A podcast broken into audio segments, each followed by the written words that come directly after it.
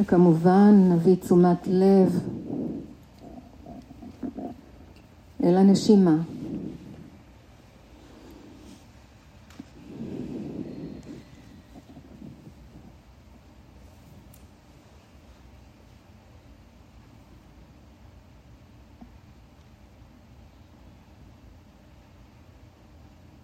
מין איסוף כזה של עצמנו לרגע הזה.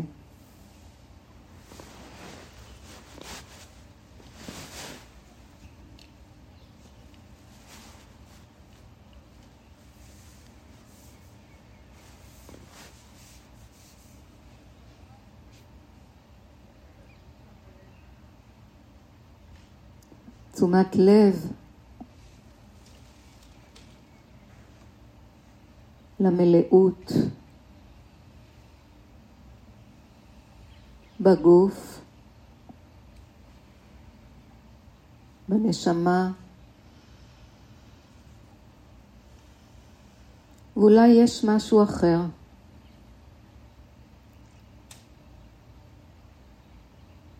רק נביא תשומת לב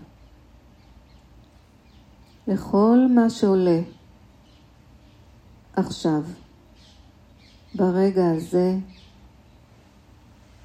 עם התכווננות לאיסוף.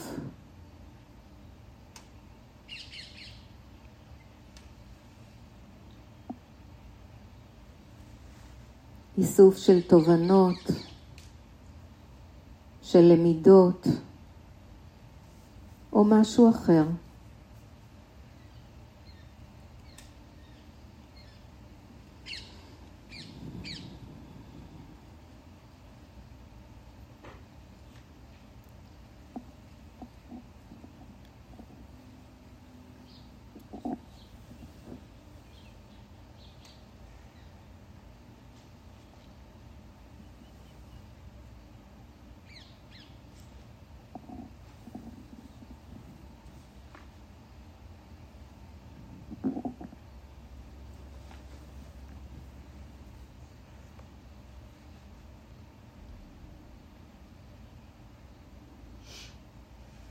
זו אומנות החיים.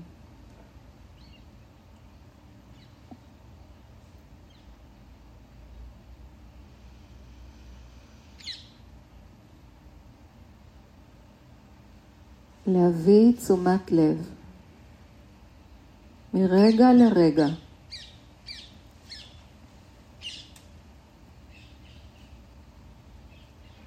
פנימה והחוצה. החוצה ופנימה.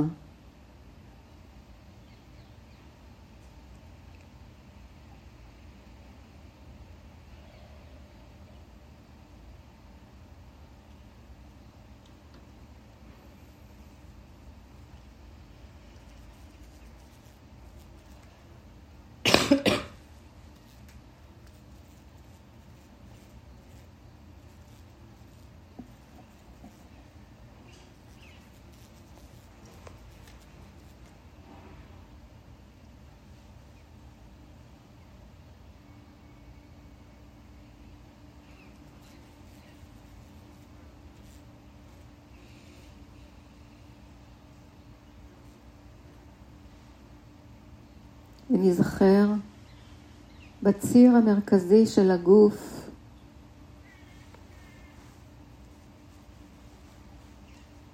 בין שמיים לארץ.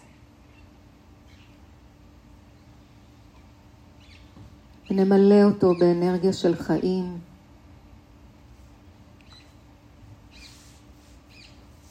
כמו סוג של צינור כזה, כמו מיתר.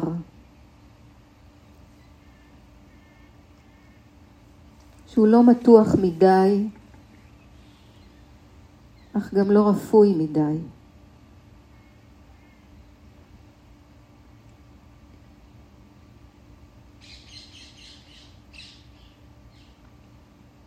ונביא את מנגינת הלב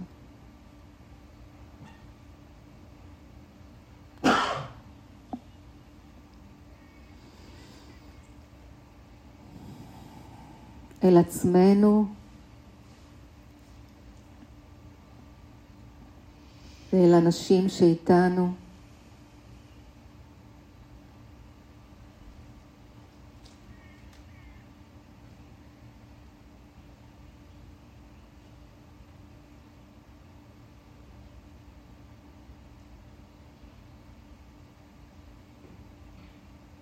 כי כולנו, כולנו רוצים לשמוע את מנגינת הלב.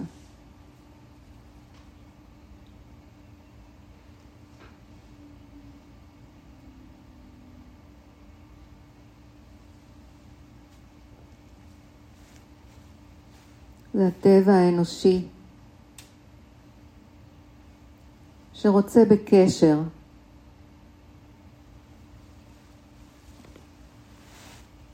זה הלב שרוצה שיראו אותו בעיניים טובות.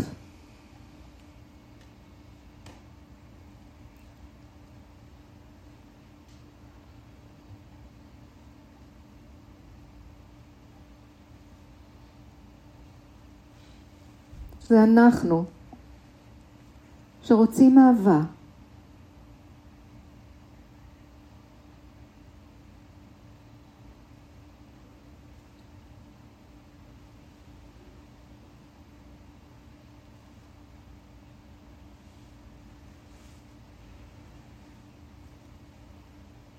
זה אנחנו שאנחנו רוצים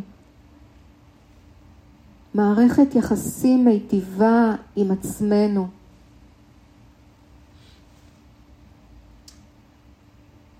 ומערכת יחסים מיטיבה עם הסובבים אותנו.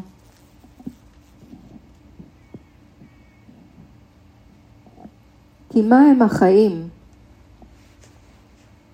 אם לא מערכת יחסים? מה הם החיים אם לא מערכות יחסים.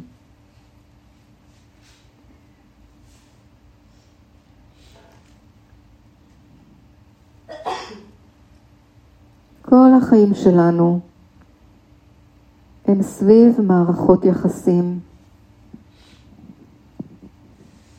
ובשביל זה אנחנו כאן. ללטש את הלב שלנו לנדיבות לב, לאהבה.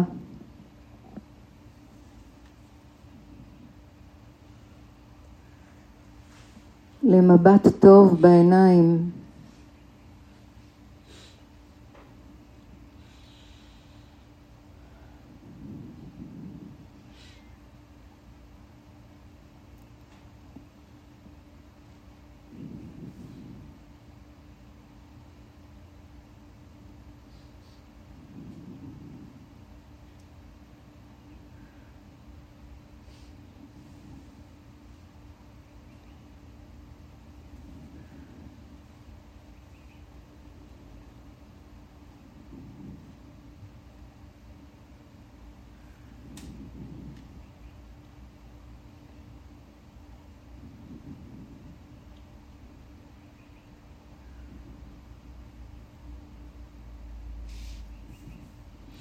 וכשהלב שלנו פתוח ושר את מנגינת הלב, הוא יכול לעטוף כל כאב.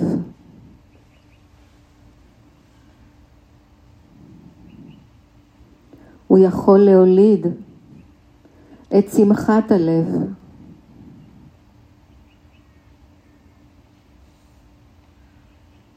ושמחה יכולה לעטוף עצב.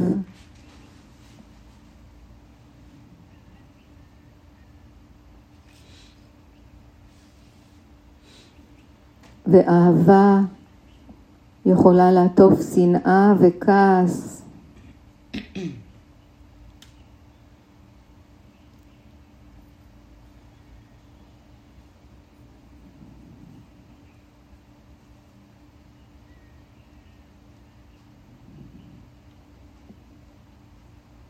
ונדיבות יכולה לעטוף נוקשות והאחזות.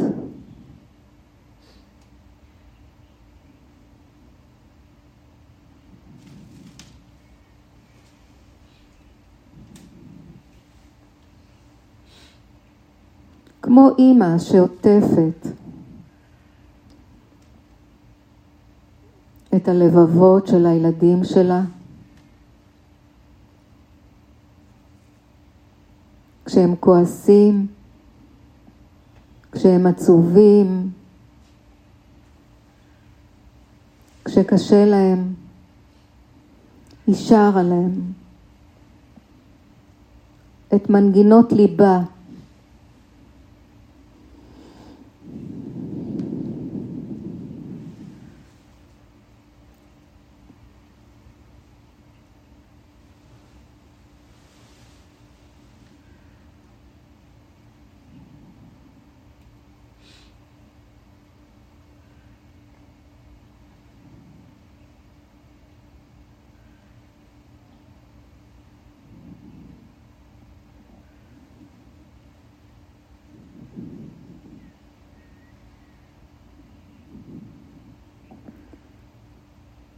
והיום אנחנו ממשיכים וממשיכות לכוון את המיתר שלנו.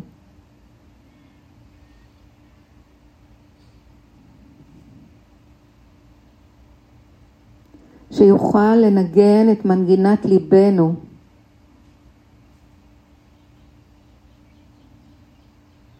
לאדם הכי קרוב אלינו, אל עצמנו.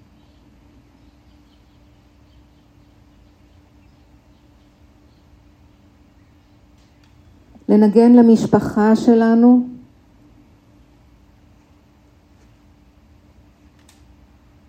הגרעינית, המורחבת, לחברים שלנו, למקומות העבודה שלנו.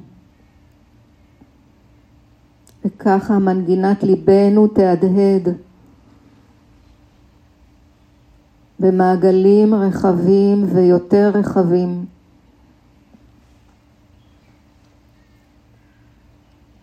בעולם, כמו אבן שנזרקת לתוך מים, ואנחנו יכולים לראות את האדוות שלה.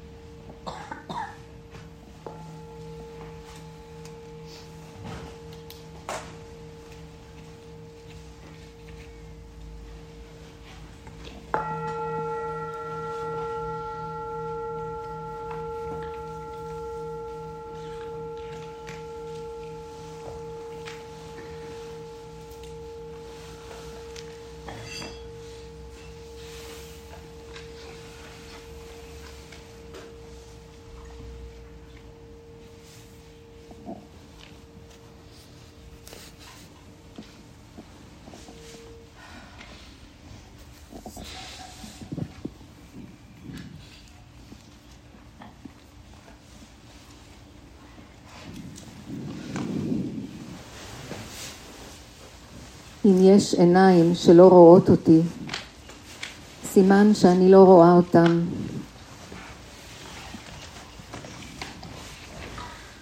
ואחד הדברים הכי חשובים לי זה ללמד ולראות עיניים ולראות את הבעת הפנים שלכם ולבדוק אם אתם בסדר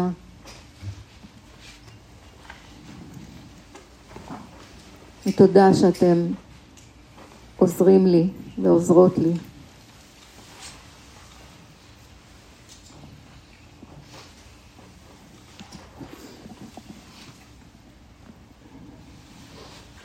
אז נרה הבטיחה לכם שאני אלמד על מודיטה. זה בדיוק מה שאנחנו הולכים לעשות עכשיו.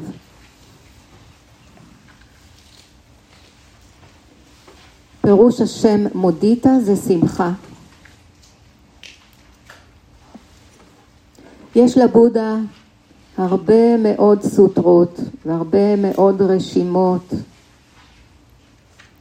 שהן אורזות את האוצרות של התבונה,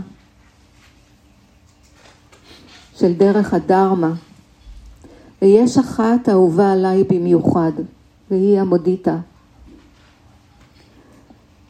שבזכותה למעשה אני יושבת כאן, ובזכותה אני התחלתי את הדרך. כי אני הייתי בטוחה שאני רק עצובה. ושאין בי שמחה. ושהשמחה שאני מראה לעולם היא בכאילו, היא לא באמת, כי אני בפנים עצובה.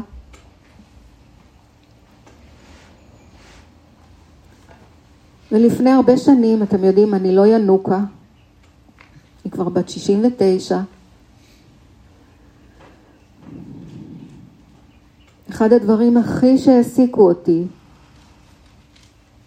והבקשה הכי גדולה שלי זה להיות שמחה. זה מה שרציתי, להיות שמחה. ושלא תבינו לא נכון, היה לי הכל. היה לי חבר מכיתה א', שראה אותי, שנתן לי תחושה של ערך, ולאט לאט בניתי את הערך הזה בתוך עצמי.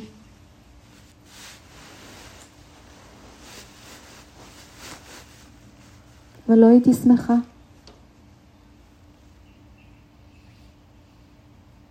אחר כך התחתנתי, והיה לנו בית ועוד בית, ובית עוד יותר גדול, ועוד אוטו, ועוד ילד. ועוד ילד, מה זה ילדים אם לא שמחה? שמחתי על כל ילד שלי, שלא תבינו לא נכון, זאת השמחה הכי גדולה שלי. אבל בפנים, בפנים, בפנים, אני המשכתי להשקות את זרע העצב, ולא ידעתי איך לעשות שאני אהיה שמחה. אני רוצה להיות שמחה.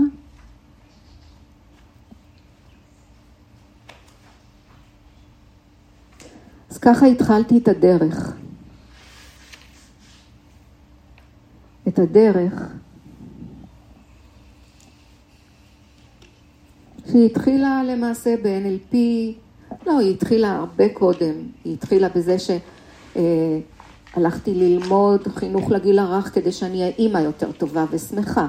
אחר כך הלכתי ללמוד פסיכולוגיה לגיל ההתבגרות כדי שאני אהיה אימא יותר טובה ושמחה.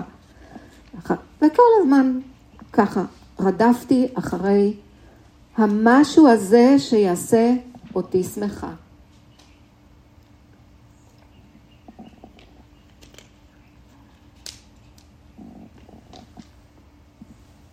ורדפתי.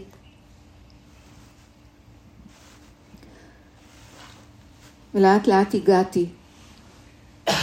והיום אני רוצה לדבר איתכם על הברמה ויארה. שהפירוש של זה ארבעת המשכנות האצילים של הלב. אתן מכירות ואתם מכירים את זה. אנחנו קוראים לזה איכויות הלב. אלה הם אותם ארבעת אופנים של המון יופי, שמרפאים ומרוממים את הנפש שלנו ופותחים את הלב שלנו להיות פתוח ומחובר. הבר מביארה כוללת בתוכה את הידידות והאהבה טובת הלב. היא כוללת בתוכה את החמלה. היא כוללת בתוכה את השמחה ואת האופקה. האיזון של הנפש. והיופי הזה, תתפלאו, הוא קיים בכל אחד ואחת מאיתנו. הוא קיים בכולנו. אלו אותן איכויות שהלב שלנו קיבל במתנה מהיום שנולדנו ומעצם מהיותנו בני אנוש. הבר מביארה גם מצביעה על הפוטנציאל שיש לכל אחד מאיתנו לצמוח ולחיות בלב פתוח לרווחה. והיא בהכרח גם מספרת לנו על הלב הסגור, על הלב שנזהר, על הלב שפוחד. כי האור, כשהלב נפתח, מפגיש אותנו בהכרח גם עם הצל. אז כשאנחנו מטפחים את איכויות הלב, אנחנו למעשה שמים לב ולומדים את התנועה המתמדת הזו של הלב, שפעם הוא פתוח ופעם הוא סגור, ושוב פתוח ושוב סגור ופתוח. זה אותו רגע שברגעי קיבוץ הוא מזכיר לנו שתמיד, תמיד, תמיד יש את האפשרות להרפות. ותמיד יש עוד מה להרפות. זה אותו רגע שבו אנחנו מסכימים להכיר ולפגוש בתוכנו את אותן מילות ביקורת, את תחושת הקיבוץ, את הפחד, את הקנאה, את הבלבול. ולדמיין שכל הדברים האלה ככה נמצאים מסביבנו ובתוכנו, ואנחנו כאילו מפלסים ביניהם את הדרך אל הלב הפתוח.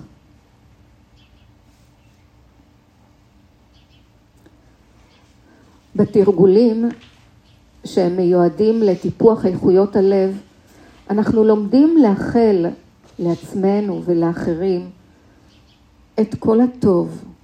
אנחנו מאחלים אושר וקבלה וביטחון וחופש.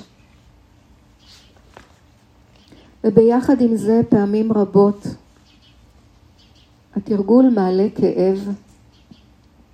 הוא מפגיש אותנו עם אותם קולות שהפנמנו בתוכנו מאז שהיינו ילדים קטנים שמספרים לנו שאנחנו לא ראויים, אנחנו לא מספיק. ואולי אנחנו גם לא מסוגלים. זו הכחות של המציאות. אני אוהבת את המילה כחות. כאילו היא נשמעת חכמה כזאת, של המורים שלי, שלא תחשבו שזאת המצאה שלי. הכחות של המציאות שאומרת, ככה זה. ככה זה כשהאור נכנס, והאור שולח קרניים של כוונות טובות, ודווקא אז הוא גם מפגיש אותנו עם כל אותם חלקים שבתוכנו, שמסתתרים אפילו מאיתנו. ואפילו לנו אין רצון לפגוש אותם. ויותר מזה, שאף אחד לא יראה אותם. תחשבו כמה עבודה קשה זאת להסתיר את זה שאני מקנאה. למשל, את זה שאני עצובה, למשל? את זה שאני פוחדת, מתה, משקשקת, כאן, לשבת ולדבר אליכם?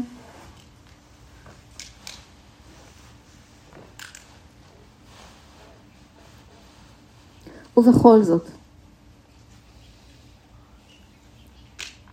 אתם יושבים פה. ואני יושבת פה, ונרה יושבת פה. אנחנו עושים כזאת דרך אמיצה, ואנחנו מביאים כל כך הרבה כנות, כולנו, כמו שהיה פה בישיבה, בקבוצה, כמה כנות אמיצה הייתה פה.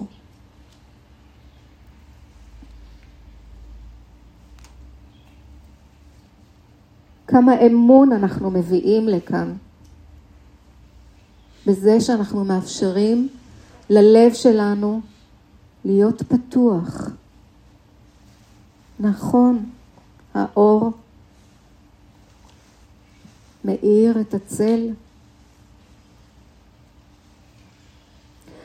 אז היום אנחנו נדבר על משכן הלב השלישי בארבעת איכויות הלב, והוא המודיטה, שהפירוש של המילה, כמו שאמרתי קודם, היא שמחה ופרגון, והיכולת לשמוח בשמחת הזולת, למרות שאני מקנאה.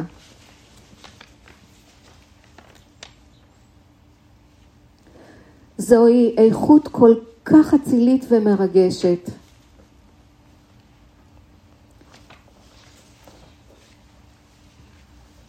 בעוד שהחמלה מבקשת מאיתנו ללמוד להסכים להישאר בלב פתוח לנוכח קושי וכאב, נכון? אנחנו אומרים, כל כאב נביא חמלה, נביא, כשאהבה פוגשת סבל, נולדת חמלה. אז המודיטה מזכירה לנו ליהנות מהדברים המשמחים הפשוטים שיש לנו בחיים. היא מזמינה אותנו לעשות להם מקום, לנשום אותם עמוק, פנימה. היא מזמינה אותנו לשים את האנרגיה שלנו, להפנות את האנרגיה שלנו למקום הזה, המשמח, ולראות אותו ולנשום אותו פנימה בהרבה שמחה והנאה.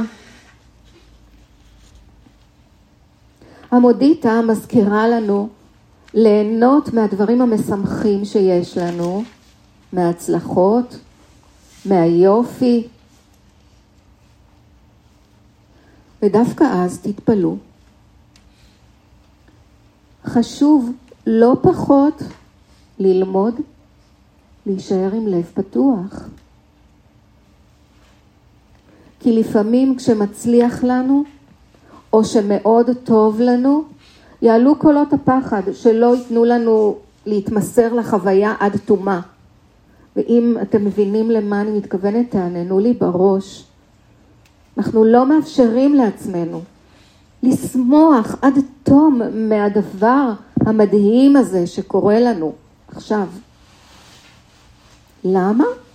כי אולי אם אני אשמח מדי, אני אתרגל לזה, והשמחה הזאת תתפוגג, מה אני אעשה אז? ואולי אני אגלה שבכלל השליתי את עצמי, והמזל הטוב יברח לי? מכירים את, ה, את המקום הזה?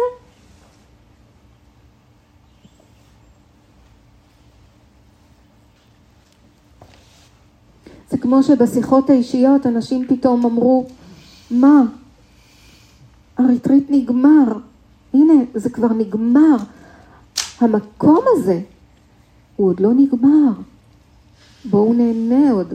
אנחנו יכולים עוד ליהנות, אבל הפחד הזה, שזה הולך להיגמר, או כשקורה עם בן זוג שלנו, שכעסנו מאוד מאוד מאוד על משהו, ואני אחוז בכעס הזה, ואני לא אפתח את הלב שלי עכשיו, ואתן אמון שמשהו טוב יכול לקרות,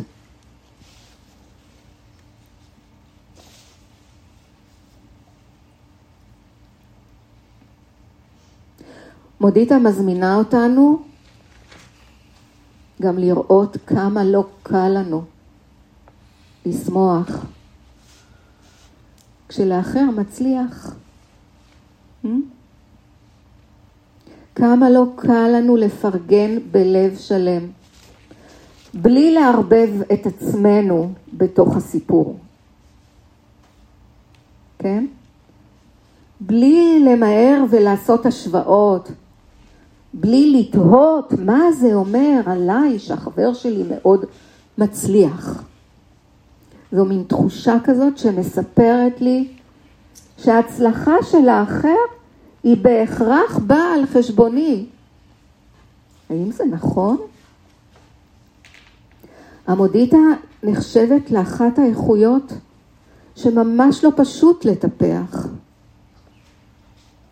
היא מבקשת מאיתנו להישיר מבט לכל אותם חלקים בתוכנו שפעמים רבות אנחנו מעיפים אותם, רוצים להעיף אותם מאיתנו, מסתירים אותם, אותם מאיתנו.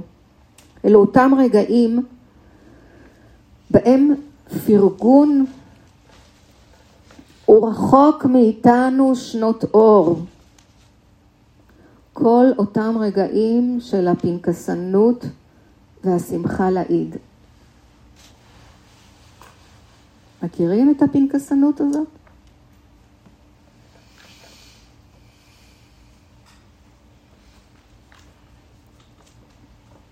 אלו כל אותם רגעים ואזורים בחיים שלנו שבהם אנחנו מוצאים את עצמנו בתחרות.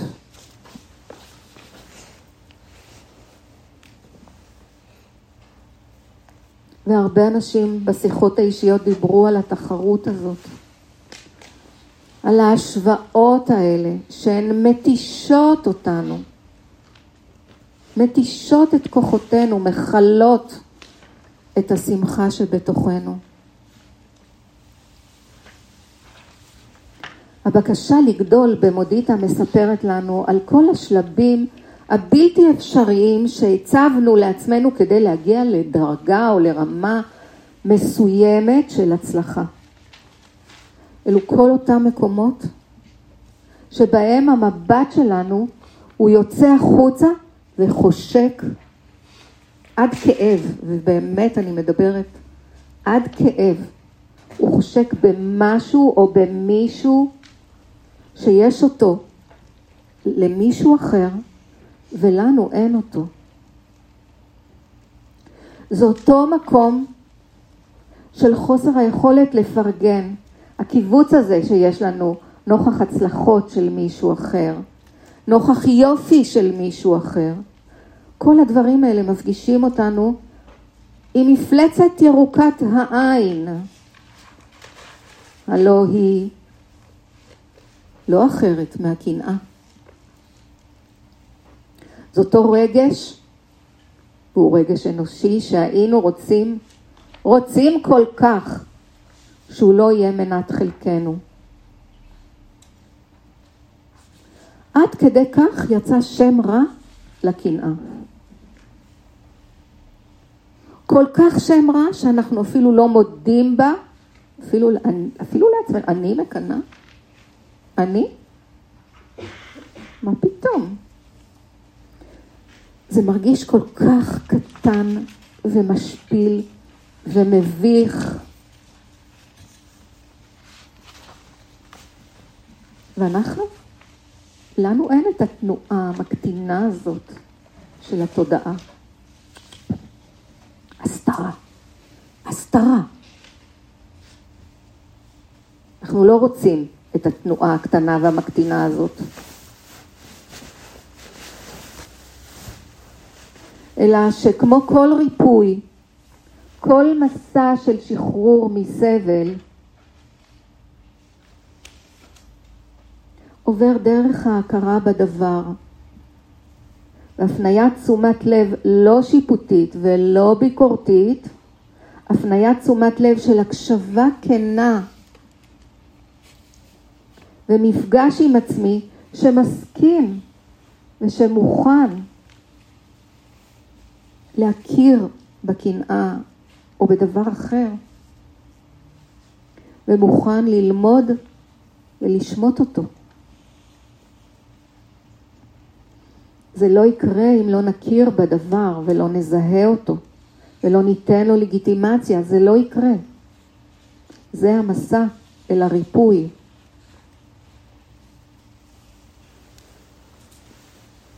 אנחנו רוצים לשחרר ולהוציא את הקנאה לאור. להוציא אותה מתוך המחשכים של הבושה, של האשמה, של הלבד. אנחנו רוצים להודות בה בקול, תוך הנהוני ראש ולבבות שמזדהים, תהנהנו לי, כן. או שלכם אין את זה, רק לי. כן, כן, אנחנו בני אנוש. ויש לי מטופלת שסוף סוף הודתה בקנאה, והתרגיל היה שכל פעם שהיא מקנאה, היא מתקשרת אליי ואומרת לי, אני מקנאה. וכמה שחרור וריפוי היה שם. רק בלהגיד, אני מקנאה. אני מקנאה בזאת. היא כבר עומדת ומרצה, והיא כבר כובשת קהלים, ורק אני לא. כולם כבר הצליחו, ורק אני לא. לגדול במודיטה, שהיא גם קרויה, השמחה המשחררת של התודעה, זה להסתכל גם בקנאה בעיניים טובות, ללמוד אותה, להקשיב לה. להקשיב לה כי יש לה המון המון מה ללמד אותנו, מה להציע לנו. ובכלל זאת הזדמנות מצוינת לעשות לה קצת יחסי ציבור, וזה מה שאני עושה לה עכשיו, אוקיי? לעשות לה קצת יחסי ציבור. ללמד אותנו על, על המתנות של החופש שטמונות במפגש איתה.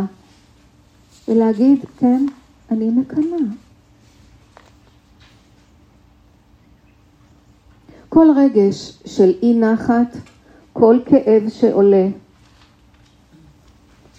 הוא הזמנה להתקרב לאמת שלנו. הוא הזמנה לפגוש את הגבולות הפנימיים שלנו, את הפחד שלנו, לגעת ולגדול בחמלה. הקנאה מספרת לנו פעמים רבות על תחושת חוסר, על תחושה של חוסר ערך, על תחושה של חוסר ביטוי עצמי, על חוסר דיוק, על משהו מבפנים שמאוד מאוד מכווץ אותנו.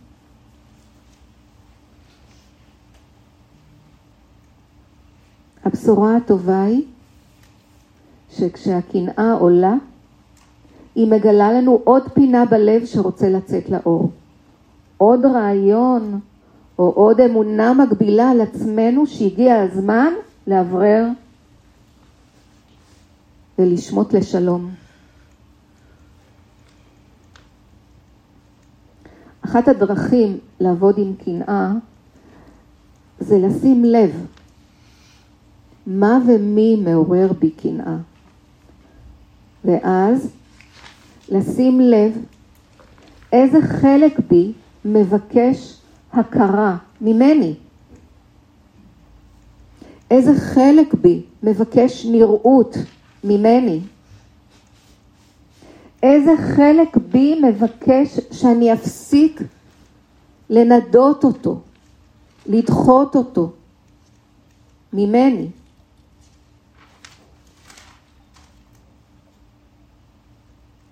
הקנאה היא חכמה ועקשנית. היא כמו מכשפה טובה. היא מעלה באוב את כל אותם רצונות כמוסים שלנו, שלא תמיד נעים לנו להודות בהם, אפילו בפנינו, אוקיי? לא נעים להודות על קיומם בתוכנו. זה יכול להיות ביטוי מקצועי, זה יכול להיות ביטוי אישי, אולי יצירתיות שרוצה לפרוץ. זה אותו משהו שאני מזהה שם בחוץ והוא גם מעורר השראה, אבל הוא גם מעורר קנאה.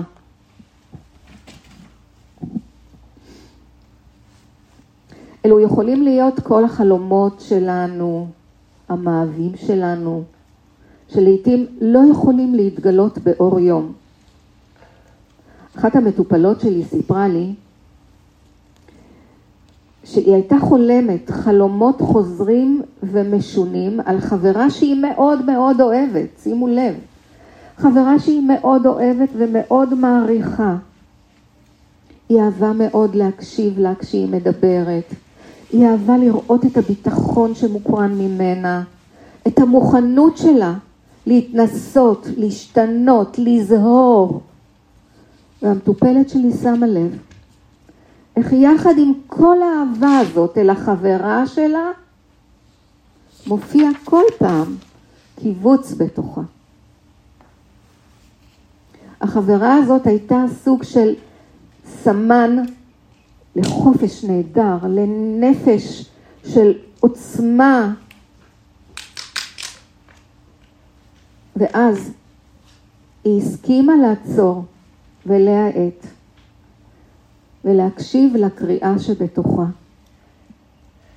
וכשהיא הקשיבה לקריאה שבתוכה, היא הסכימה להסתכן, היא הסכימה להתנסות, היא הסכימה להיכשל ולגדול מכל כישלון.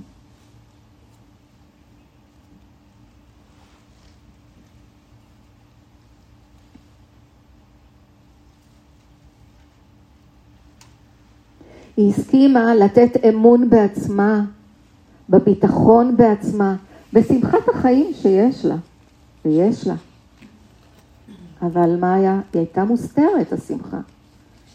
כי איך אפשר לשמוח כשהקנאה עוטפת את השמחה ולא הפוך?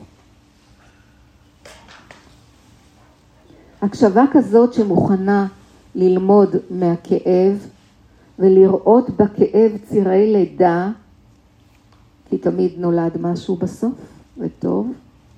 הקשבה כזו משחררת אותנו מהאשמה שעולה בנו יחד עם הקנאה והתחרותיות. הדרמה שלנו אל מול האחר מחזירה את האור חזרה אליי.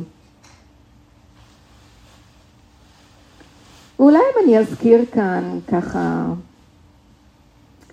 אולי אצל הבנים זה פחות, אבל אולי אני אזכיר כאן את מלכת הכיתה ואת התפיסה שלנו, את אותן מלכות כיתה כדבר מושלם עד כאב.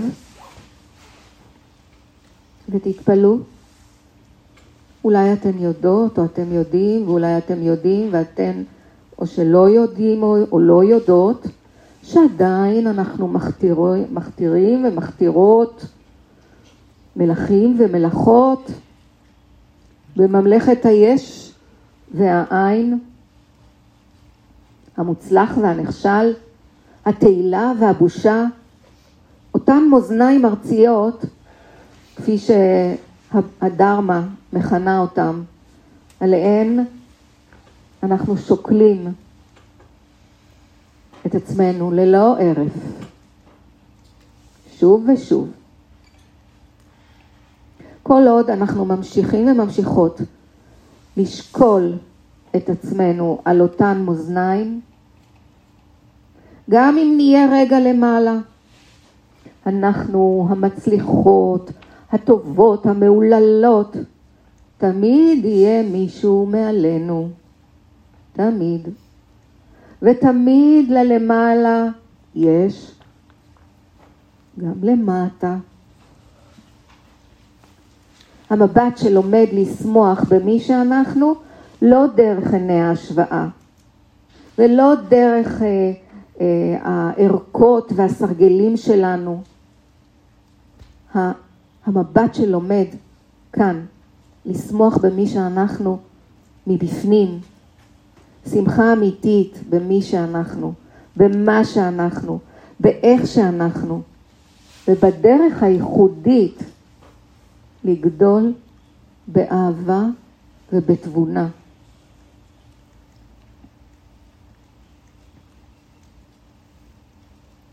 אז בעצם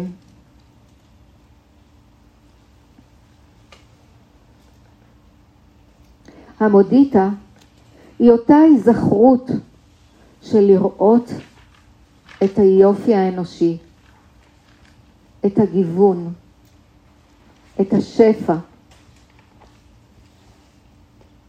זו אותה שמחה שמשחררת, שמביאה הקלה מאוד גדולה בידיעה שאין עוד משהו שמגביל אותנו באמת שם בחוץ. זה אף פעם לא בגלל משהו או מישהו. זה לא בגלל ההצלחות של האחר. הן לא באמת באות על חשבוני. זוהי ההתעקשות לזכור שהכי נעים לנו זה לראות את היש. לחוש שבעי רצון, שבעי רצון מעצמנו, שבעי רצון ממה שיש לנו, ולהתעקש, להתעקש, כן, להתעקש, ממש לשמור על המבט המיטיב ולא להסתחרר במערבולת של השליליות. ואם זה נשמע לכם מסובך מדי, אז אולי, אבל זה אפשרי. כי אם אפשרי בשבילי, אפשרי בשביל כולם. רק צריך להתאמן בזה. ועדיין אני נופלת למלכודות האלה. שלא תבינו לא נכון. אני מתאמנת, בחיי שאני מתאמנת, שנים, אני עדיין נופלת למלכודות האלה.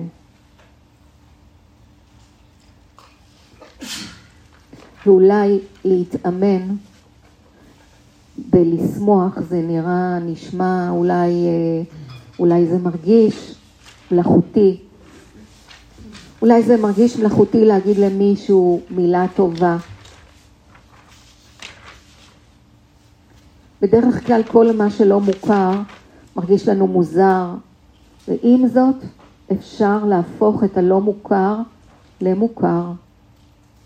אפשר להפוך את הלא מוכר להרגל נעים וקרוב.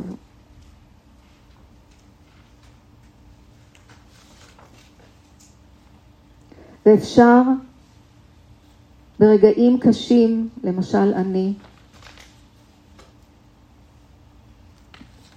תמיד תמיד כשקשה לי, אני מודה. מודה ומודה. אני פותחת את העיניים בבוקר ואני כותבת את ההודיות שלי, שלא תבינו. אני לא מודה בעל פה, אני יושבת וכותבת את, ההודע, את ההודיות שלי. ובערב, לפני שאני הולכת לישון, אני כותבת את ההודיות שלי. הודיות הם אחד התרגילים שהכי מרפאים ומשמחים את הנפש, ואני עובדת בזה, אני רוצה לשמוח.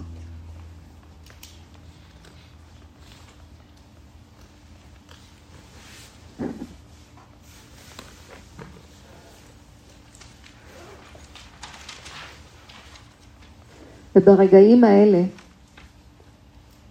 כשבאמת זורמת לה השמחה.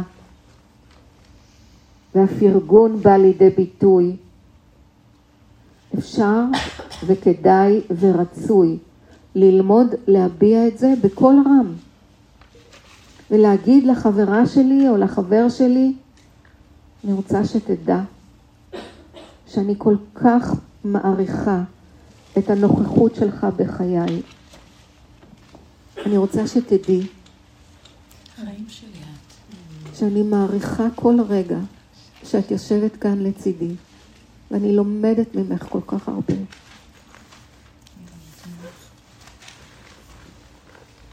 אני רוצה שתדעי, עזי, שאני כל כך שמחה שבאת לכאן ושנתת לעצמך מתנה ליום ההולדת. אמנם לא צעקנו ושרנו בקול, אבל נעשה את זה כשנדבר.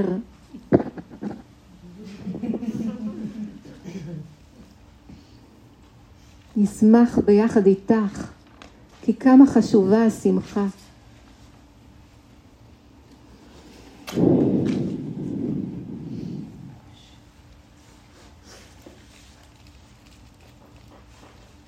אני רוצה להגיד בקול, תודה דורה, ששברת שתיקה רק ארבע פעמים.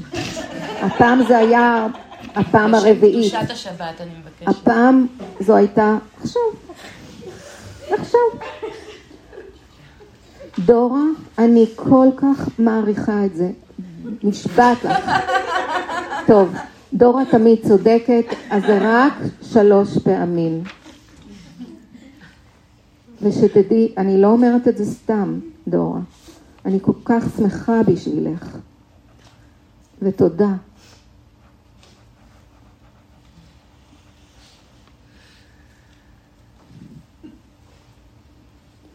אנחנו גם רוצים לפרגן לעצמנו ולהגיד לעצמנו מילים טובות. למשל,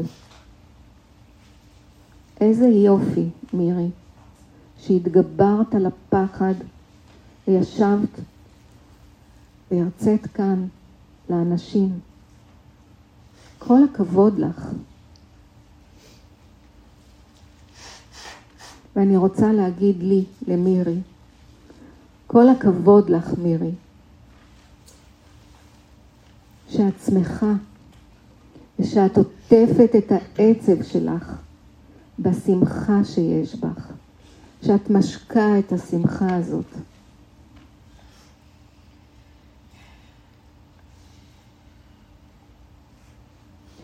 וגם לנשום אותה פנימה, את המילים הטובות האלה שמגיעות אלינו מהסביבה ומהבפנים כאחד. אנחנו בסוף כל ערב עושים ישיבה בחדר, ונרה אמרה לי מילים טובות. ואמרתי לה, נרה, זה לא, זה לא אני, זה... זה המורים שלי. ואז נרה אומרת לי, די, תקבלי את הפרגון הזה.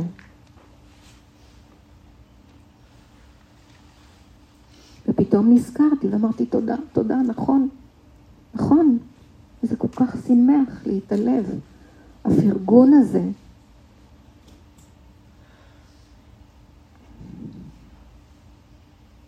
אז לנשום פנימה את המילים שנאמרות לכם, את המילים שאתן אומרות לעצמכם ואומרים לעצמכם. ישנו סיפור מאוד, שאני מאוד אוהבת אותו. עכשיו תקשיבו, יש להודים ולכל, ולכל אלה שמות שעל ההיסטור, אז אני אנסה להגיד את זה. אנא תפני תקדה. אז הוא היה תלמיד של הבודה. הוא היה תלמיד מסור מאוד. הוא היה מאוד עשיר, אוקיי?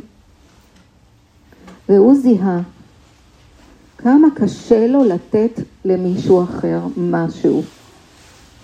והוא היה מאוד עשיר.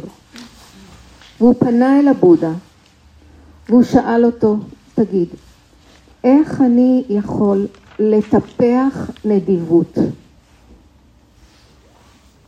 והבודה מייעץ לו להתחיל במידה שמתאימה לו. והוא אומר לו, אתה הרי מאוד עשיר, קח גוש זהב ותעביר אותו מיד ליד. תעשה עכשיו, תתחיל רק עם מה שמתאים לך. גוש זהב ביד אחד, תעביר אותו ליד השנייה, תיתן לך. תיתן לך. אחר כך תעביר אותו ליד השנייה. זה מתאים לך? הוא אמר, כן. זה אני יכול להתאמן על זה. וככה הוא עשה את הדברים מיד ימין ליד שמאל וחוזר חלילה, עד שזה הפך להיות קל יותר. ואז הבודה נתן לו תרגול שהוא מאתגר יותר, אבל תמיד הוא היה תפור למידותיו של התלמיד.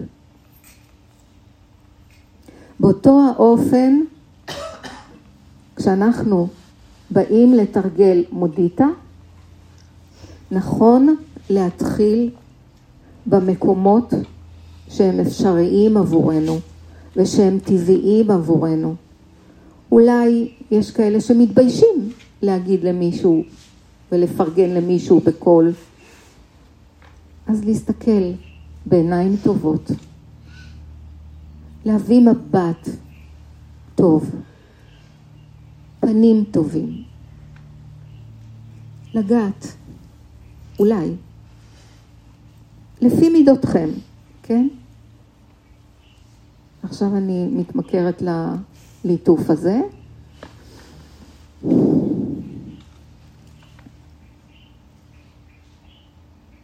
לשמוח בשמחת האנשים שיקרים לנו. ואנחנו לפעמים מקנאים גם באנשים שיקרים לנו, שלא תבינו לא נכון, שאנחנו אוהבים אותם מאוד, אנחנו גם מקנאים. ולשמוח בשמחת הצמחים שאנחנו משקים במים. אתם שמתם לב פעם, אמיתי, שמתם לב פעם איך צמח שמח שמשקים אותו? וואו, זה באמת, זה ממש מרגש לראות, ממש רואים את זה, אה, כזה, מזדקף, כזה. לשמוח בשמחת אלה שאנחנו חשים שהם עמלו עבורנו או עבור מישהו ושהם ראויים לזה שנגיד להם תודה ונביע הערכה אליהם.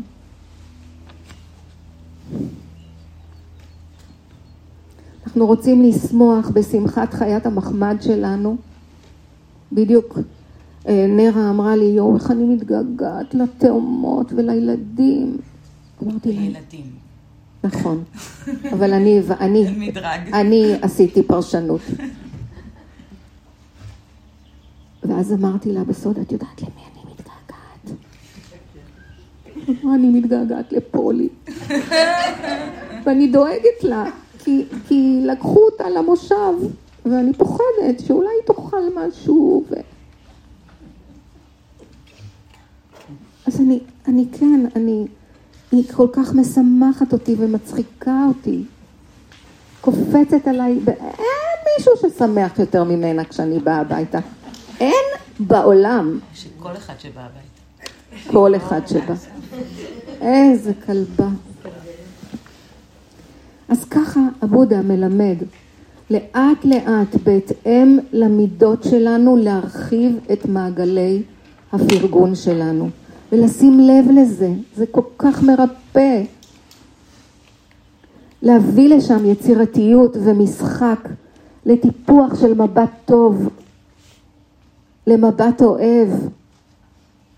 לגדול במודיטה זה לנשום עמוק עמוק פנימה אל מילות הערכה והאהבה שמגיעות אלינו ולנו, בלי להקטין ולהתנצל, בלי מה שאני עשיתי לנרה כשהיא אמרה לי את מה שהיא אמרה לי בערב. לתת אהבה ולהיכנס עוד ועוד ועוד לתוך השמחה הזאת. לשמוח באנשים שיקרים לנו בחיים שלנו, ולהודות על כך שכנראה עשינו משהו טוב, בואו. שכל האהבה הזאת שנמצאת כאן מסביבנו, היא לא סתם, אנחנו ראויים לה. וכשאנחנו שמים לב לשמחה, מה לעשות? שמחה מביאה עוד שמחה ועוד שמחה ועוד שמחה.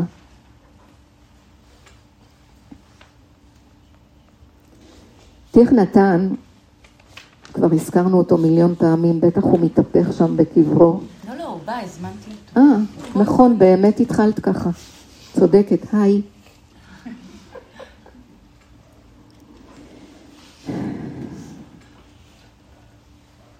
הוא דיבר על החיוך של היוגה.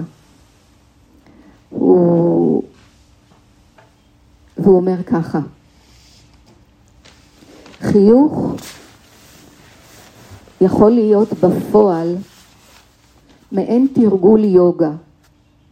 הוא קורא לזה היוגה של הפה. אתה מחייך גם כשאתה לא מרגיש שמח. תחייך. ולאחר שאתה מחייך, אתה רואה שאתה מרגיש אחרת. לפעמים התודעה לוקחת יוזמה, ולפעמים צריך לאפשר לגוף לקחת יוזמה. לפעמים התודעה מובילה, ולפעמים הגוף יכול להוביל. זו הסיבה שכשאנו חווים שמחה, אנו מחייכים באופן טבעי. אך לעתים צריך להניח לחיוך להופיע קודם, ואז השמחה תבוא. אתה מחייך, ואז אתה לפתע מרגיש שאתה פחות סובל מקודם. אז אל תפלו את הגוף, אוקיי? הגוף גם הוא יכול להוביל. ולא רק התודעה. ואני לא יודעת,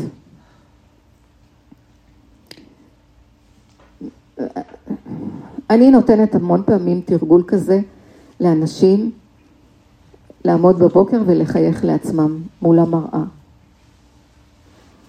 אני עושה את זה בעצמי, וזה תמיד מצחיק אותי.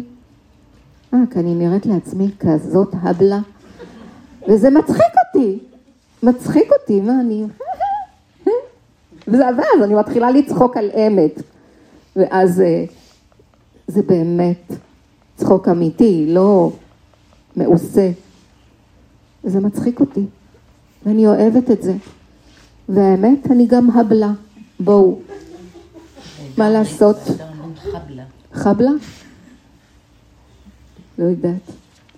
אז חיוך הוא תרגול של יוגה. אל תאמר אין בי שמחה לכן איני צריך לחייך. כאשר אנו חווים שמחה ומופיע חיוך, החיוך הזה אינו תרגול, הוא דבר טבעי. החיוך הזה הוא הכי טבעי. כאשר אין בנו שמחה ואז אנחנו מחייכים, זה תרגול אמיתי.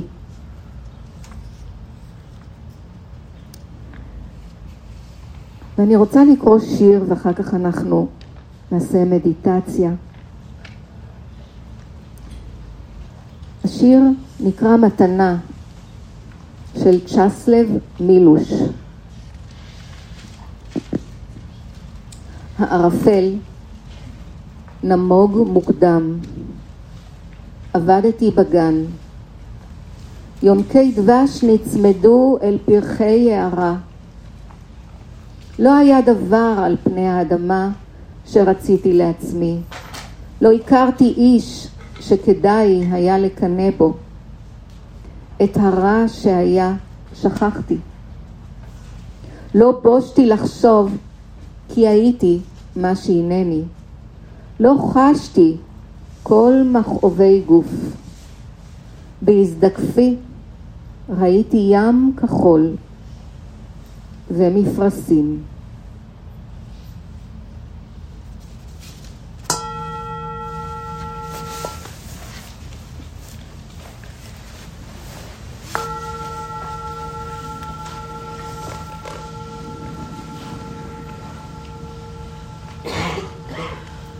נשימה עמוקה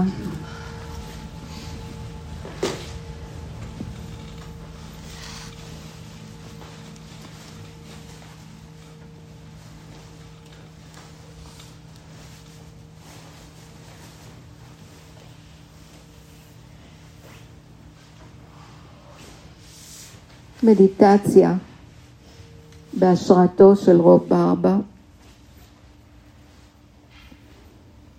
מורה מוערך מאוד, שנפטר לפני שנתיים בגיל 32 או משהו כזה.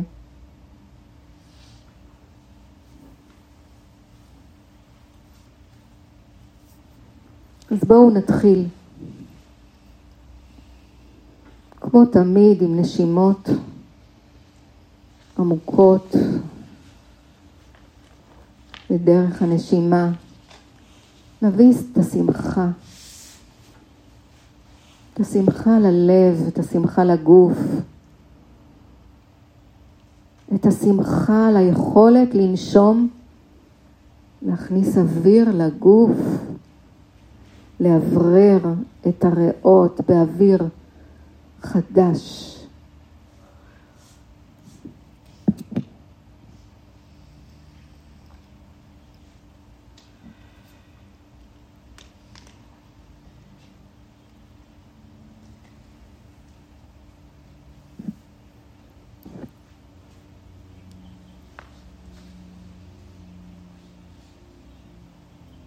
נשלח את, הנש... את הנשימה לכל מרחבי הגוף.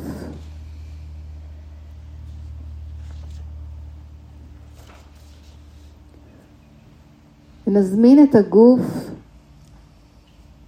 להתארגן עם הנשימה ומסביב לה.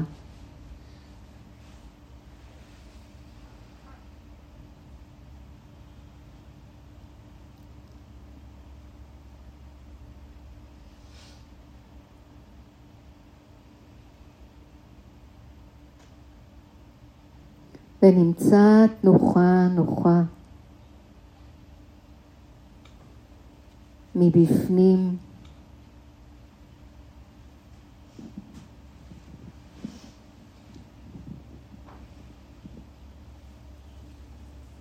שימו לב, אולי הגב רוצה להזדקף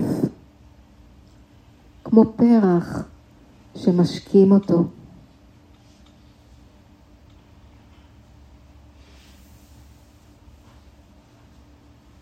אתם זוכרים? ביום הראשון הסברתי על ריטריט ואמרתי שריטריט הוא כמו גשם שמשקה את התודעה.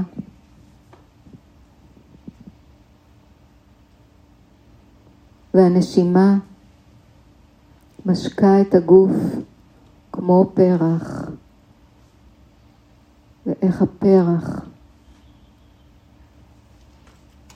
מזדקף, ככה הגוף שלנו מזדקף עם כל נשימה. ואם הוא זקוף מדי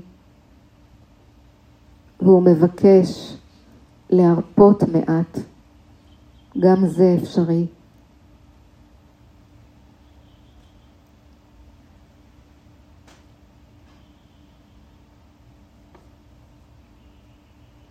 ונשים לב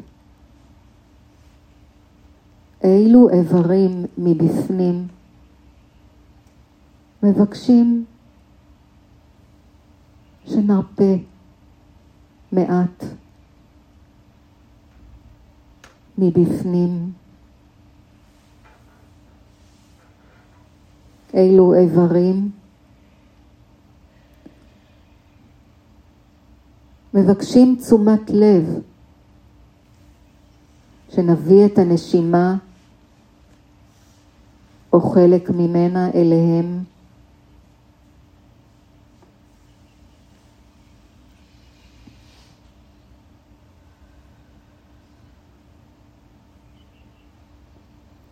וברגע שהגוף מבקש ניתן לנשימה להתרכך בתוכנו. ונמשיך לשלוח אותה לכל מרחבי הגוף. בתנועה של רכות ועם חיוך קטן על הפנים, ממש קטנטן, עם כוונה של חיוך.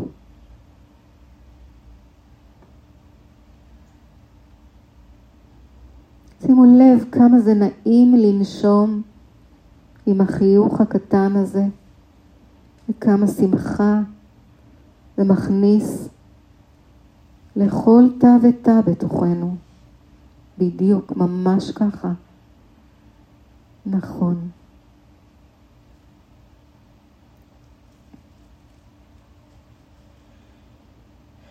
ונרגיש את עצמנו בתוך המרחב ונרגיש גם רמז מהמרחב הרחב יותר, בהקשר הרחב יותר, שמתחבר אל הטבע.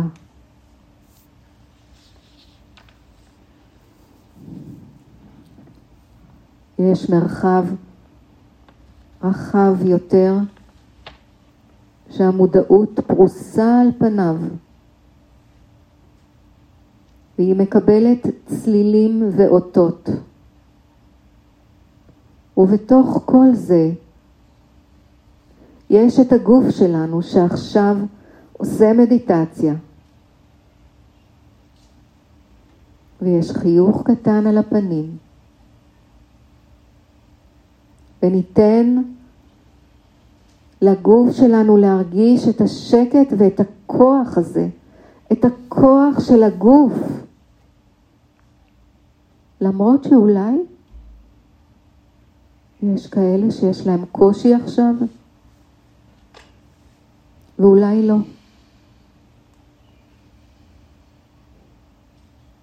ולמרות הקושי, הגוף שלנו יושב כאן עכשיו ועושה מדיטציה. גוף שיכול לזוז ולעשות ולהרגיש את השקט עכשיו גם כשהוא לא זז ולא עושה דבר.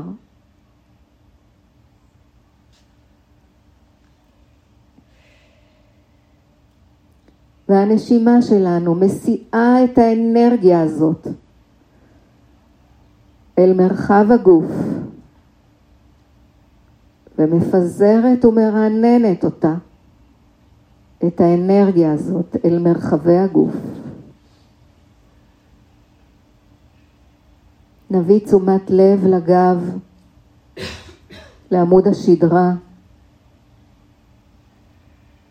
הוא הציר המרכזי של הגוף. ונעלה ביחד חוליה אחר חוליה לגולגולת.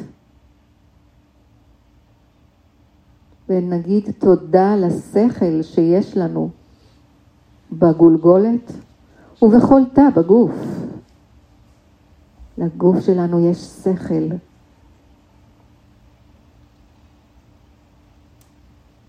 ונרגיש את האגן שנח ככה על הכרית, כאילו שולח שורשים לתוך האדמה, ובמקביל נרגיש את הראש נישא על השמיים, זקוף, עולה מעלה מעלה. ניתן לעצמנו לדמיין שיש שורשים שמגיעים לעומק האדמה, שיוצאים מעמוד השדרה, שהוא הגזע היציב והחזק. ומהראש מתפרצים ומלבלבים ענפים ועלים אל הרקיע. והאנרגיה זורמת למטה ולמעלה, לאורך הגזע ועד לשורשים, עמוק עמוק לאדמה.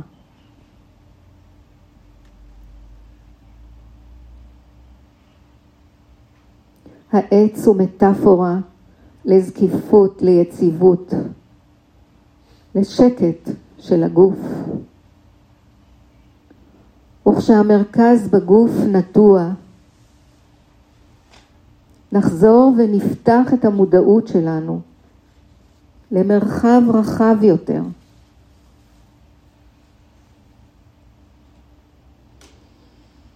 ובואו נבדוק. האם אני יכולה לחוש את העצים הפיזיים שיש מסביב עכשיו?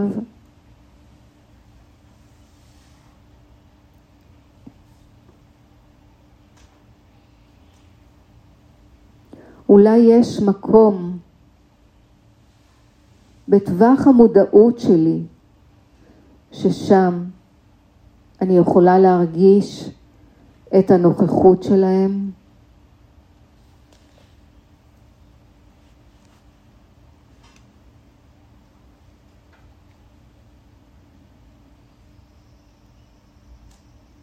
כמו שאפשר להרגיש נוכחות של מישהו בבית, למרות שהדלת סגורה.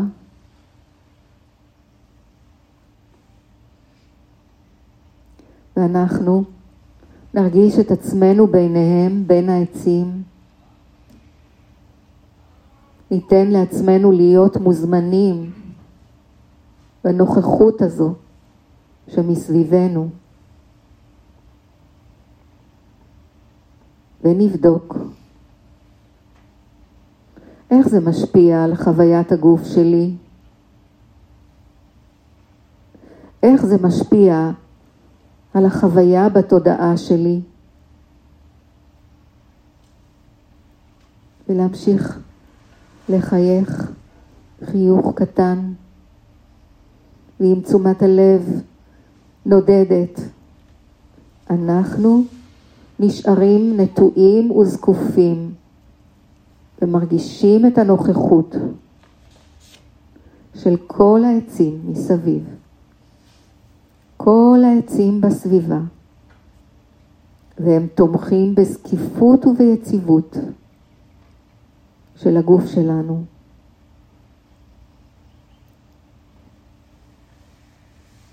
ואם יש עץ מסוים שאני אוהבת, גם אם הוא רחוק מכאן, נוכל לפנות אליו כמו שפונים אל אדם מסוים ונרגיש את הנוכחות שלו ונודה בקשר האוהב שלי אליו.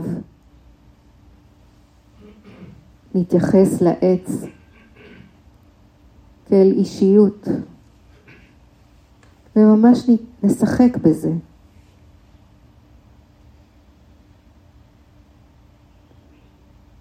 אני מרגישה את האהבה לעץ הזה.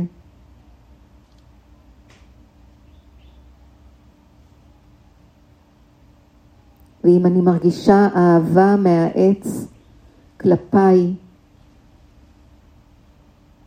אני רוצה לתת לעצמי להרגיש את האהבה הזאת. ניתן לגוף האנרגיה שלנו להיות מושפע מהאינטימיות הזאת.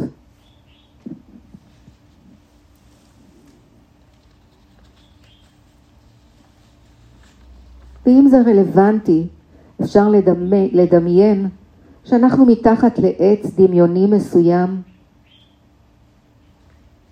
אפשר לדמיין מה אני עושה שם, אולי יושבת, אולי רוקדת סביב העץ.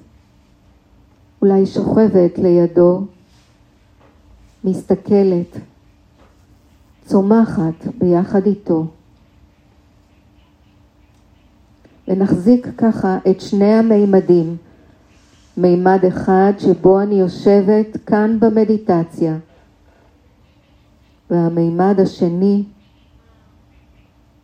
אני מתחת לעץ, רוקדת, או משהו אחר.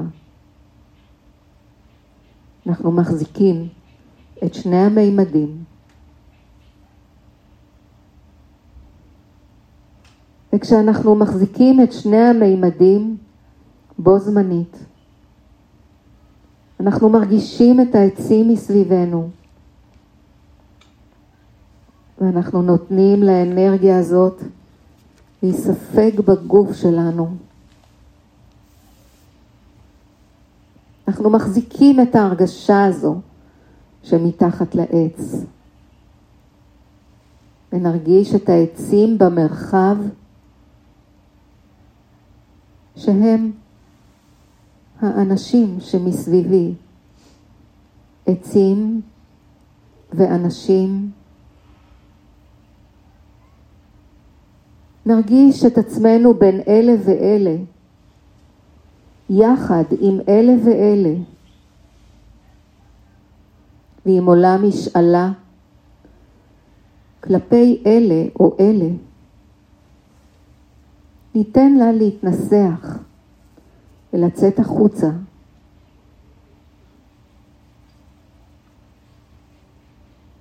ועכשיו, לקראת סיום המדיטציה, אולי יש איזושהי איכות שהיא מותאמת עצים, וההזמנה היא לארוז אותה. לארוז איכות אחת או שתיים לעצמנו. יש הכל מהכל לכולם.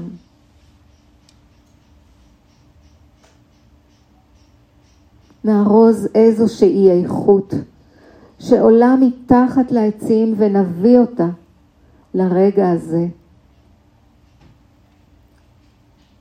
ונתחייב לעשות בה שימוש במהלך הימים הקרובים.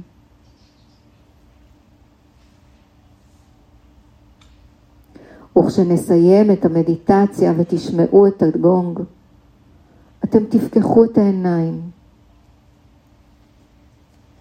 לכל אחד ואחת, יכתוב ותכתוב את המשאלה שרוצה להתנסח ולצאת החוצה, ואת האיכות שאתם לוקחים במתנה. מהעצים.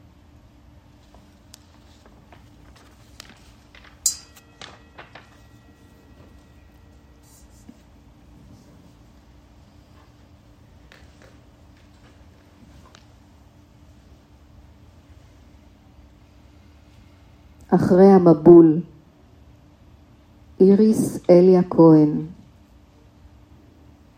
נפשי. זוגות זוגות עולים על סיפונה.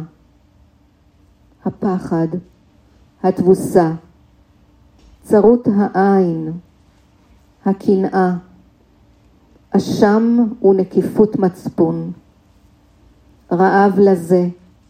וחמדנות, צבאי, מניין שנותיי, כל המפלות אשר ספגתי בחיי, רק האושר. בא לבד.